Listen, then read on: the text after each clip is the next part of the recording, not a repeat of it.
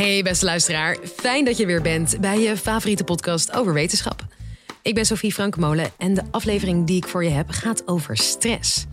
En dat je daar spreekwoordelijke grijze haren van krijgt is één ding, maar zou dat ook letterlijk zo zijn?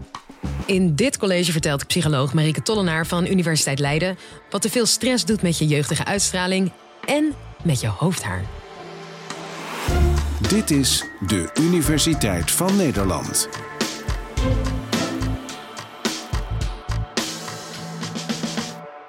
Neem je eerst even mee terug in de tijd.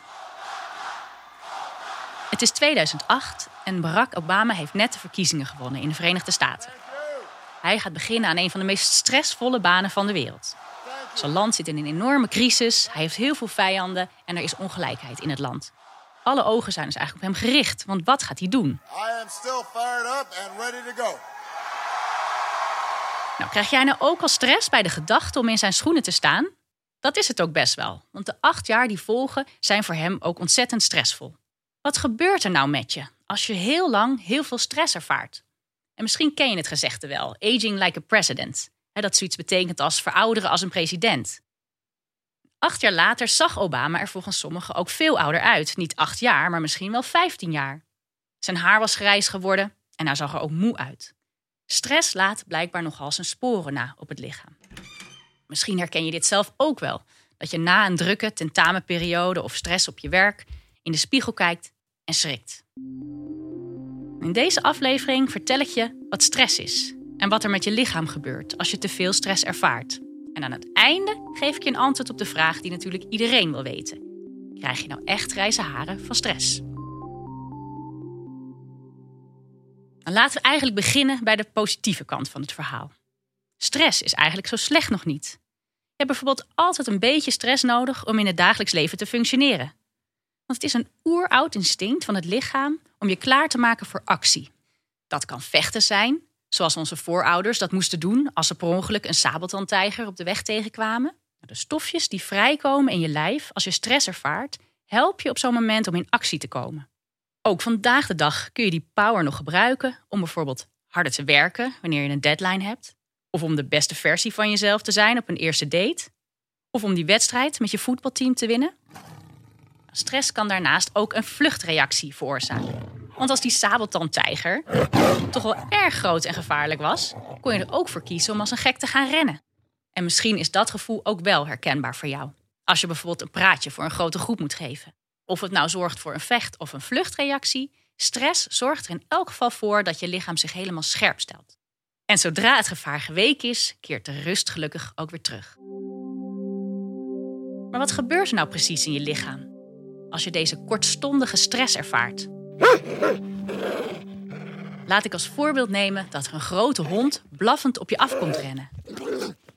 Jouw hersenen merken dan dat er een situatie is ontstaan waardoor je alerter moet worden.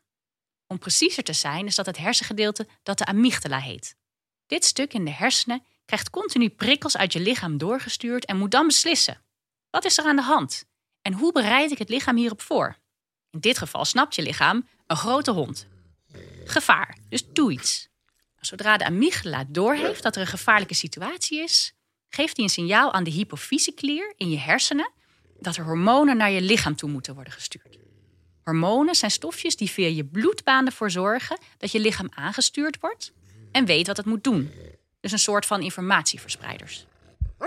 En in het geval van stress zorgt de hypofyse dat er stresshormonen vrijkomen, namelijk adrenaline en cortisol. Nou, door adrenaline gaat je hartslag en je bloeddruk omhoog en worden je vaten nauwer, zodat jij super gefocust raakt en kan reageren op ja, die blaffende hond die nu wel heel dichtbij komt.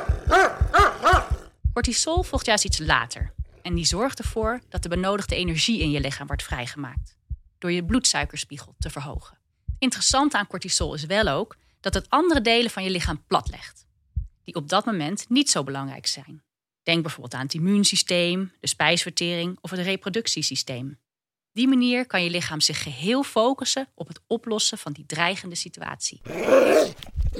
Nou, zodra die blaffende hond weg is en het gevaar geweken is, komt er een seintje vanuit de hersenen naar je lichaam dat het gevaar geweken is en kan je lichaam weer in de relaxmodus. Oké, Stress is dus een manier om hele gevaarlijke situaties te overleven. Maar in onze huidige maatschappij zijn er eigenlijk helemaal geen constante bedreigingen die gaan over leven en dood. Niet zoals bij onze voorouders. In het geval van nu gaat het meestal om problemen die we in ons hoofd creëren. Want zeg nou zelf, een strakke deadline op je werk is niet echt een levensbedreigende situatie. Maar misschien ervaar je het wel zo, als jij het gevoel hebt dat er heel veel van afhangt. Tegenwoordig is het probleem dat we de hele tijd zo ontzettend druk zijn. Met werk, vrienden, familie en alle andere honderden dingen die we goed willen doen. Dat het ook kan voelen alsof je niet mag falen. Je hebt ook de hele tijd ontzettend veel verschillende prikkels. Een beetje stress bij een deadline op je werk is natuurlijk prima. Het laat je juist gefocust werken en daardoor ook je werk goed doen. Maar wat als je daarna nog een deadline hebt? En ook midden in een verhuizing zit? En in verwachting bent van je eerste kind? Nou, dan stapelt het zich misschien al snel op. Waardoor je hersenen stresshormonen rond blijven sturen in je lichaam. En je lichaam denkt dat het constant in een gevaarlijke situatie zit. Nou, dit noemen we nou chronische stress. En doordat onze wereld zo veranderd is, heeft een derde van de Nederlandse bevolking op enig moment wel met deze chronische stress te maken. Afgelopen tien jaar hebben we ook gezien dat het aantal mensen met stressgerelateerde klachten toeneemt. Zo'n 15 tot 20 procent van de werknemers loopt tegenwoordig rond met burn-out klachten. En angst- en depressieklachten komen daarnaast voor bij ruim 30 procent van de bevolking.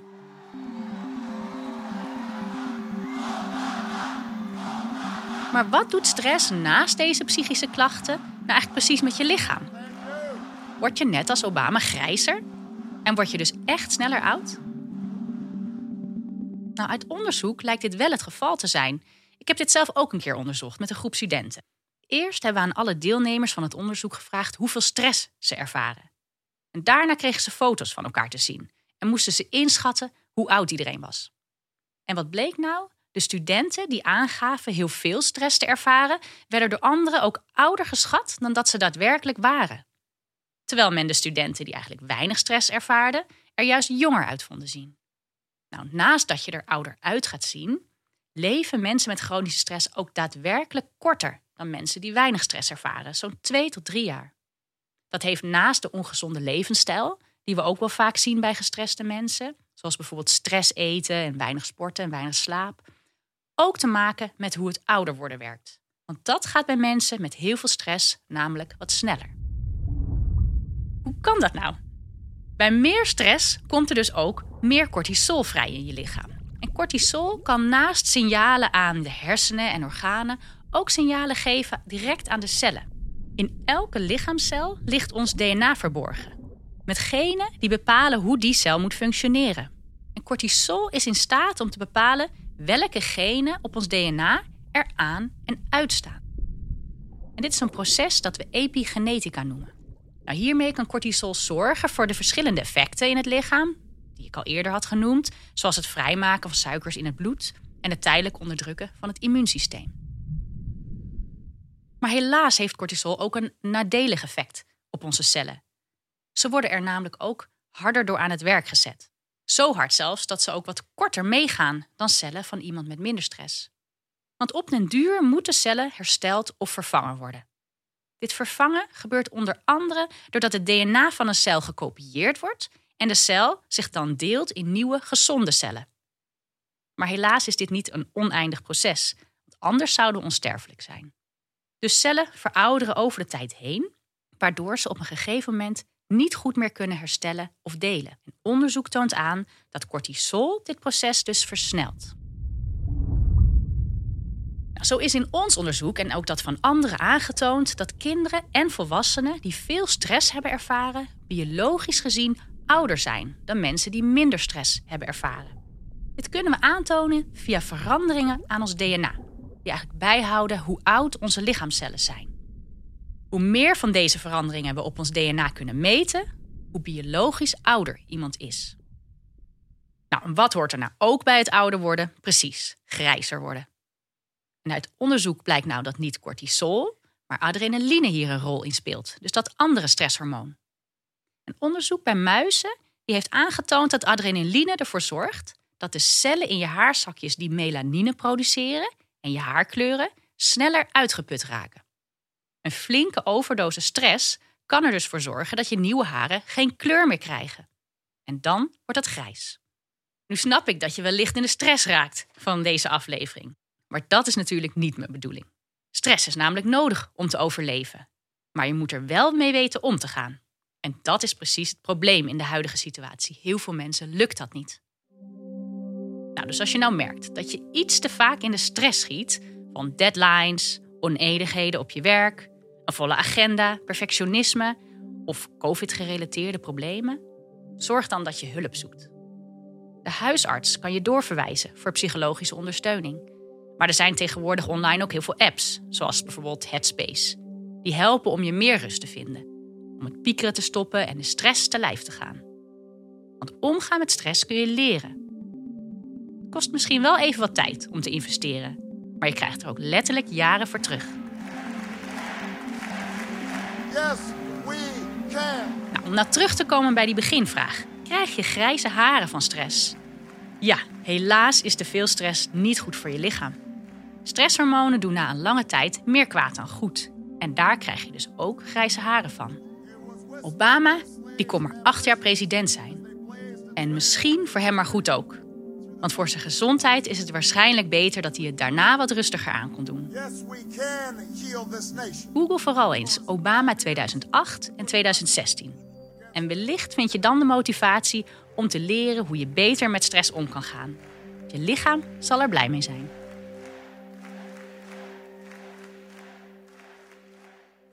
Je hoorde Marieke Tollenaar. En hey, vond je dit nou een leuk college? Word dan vriend van de show. Voor maar 2,50 per maand kun je ons al steunen. En met jouw hulp kunnen wij twee keer per week een podcastaflevering blijven uitbrengen. Zodat iedereen kan blijven leren van de allerleukste wetenschappers van Nederland. Dus waar wacht je nog op? Word lid van de nieuwsgierigste vriendengroep van Nederland via de link in de beschrijving.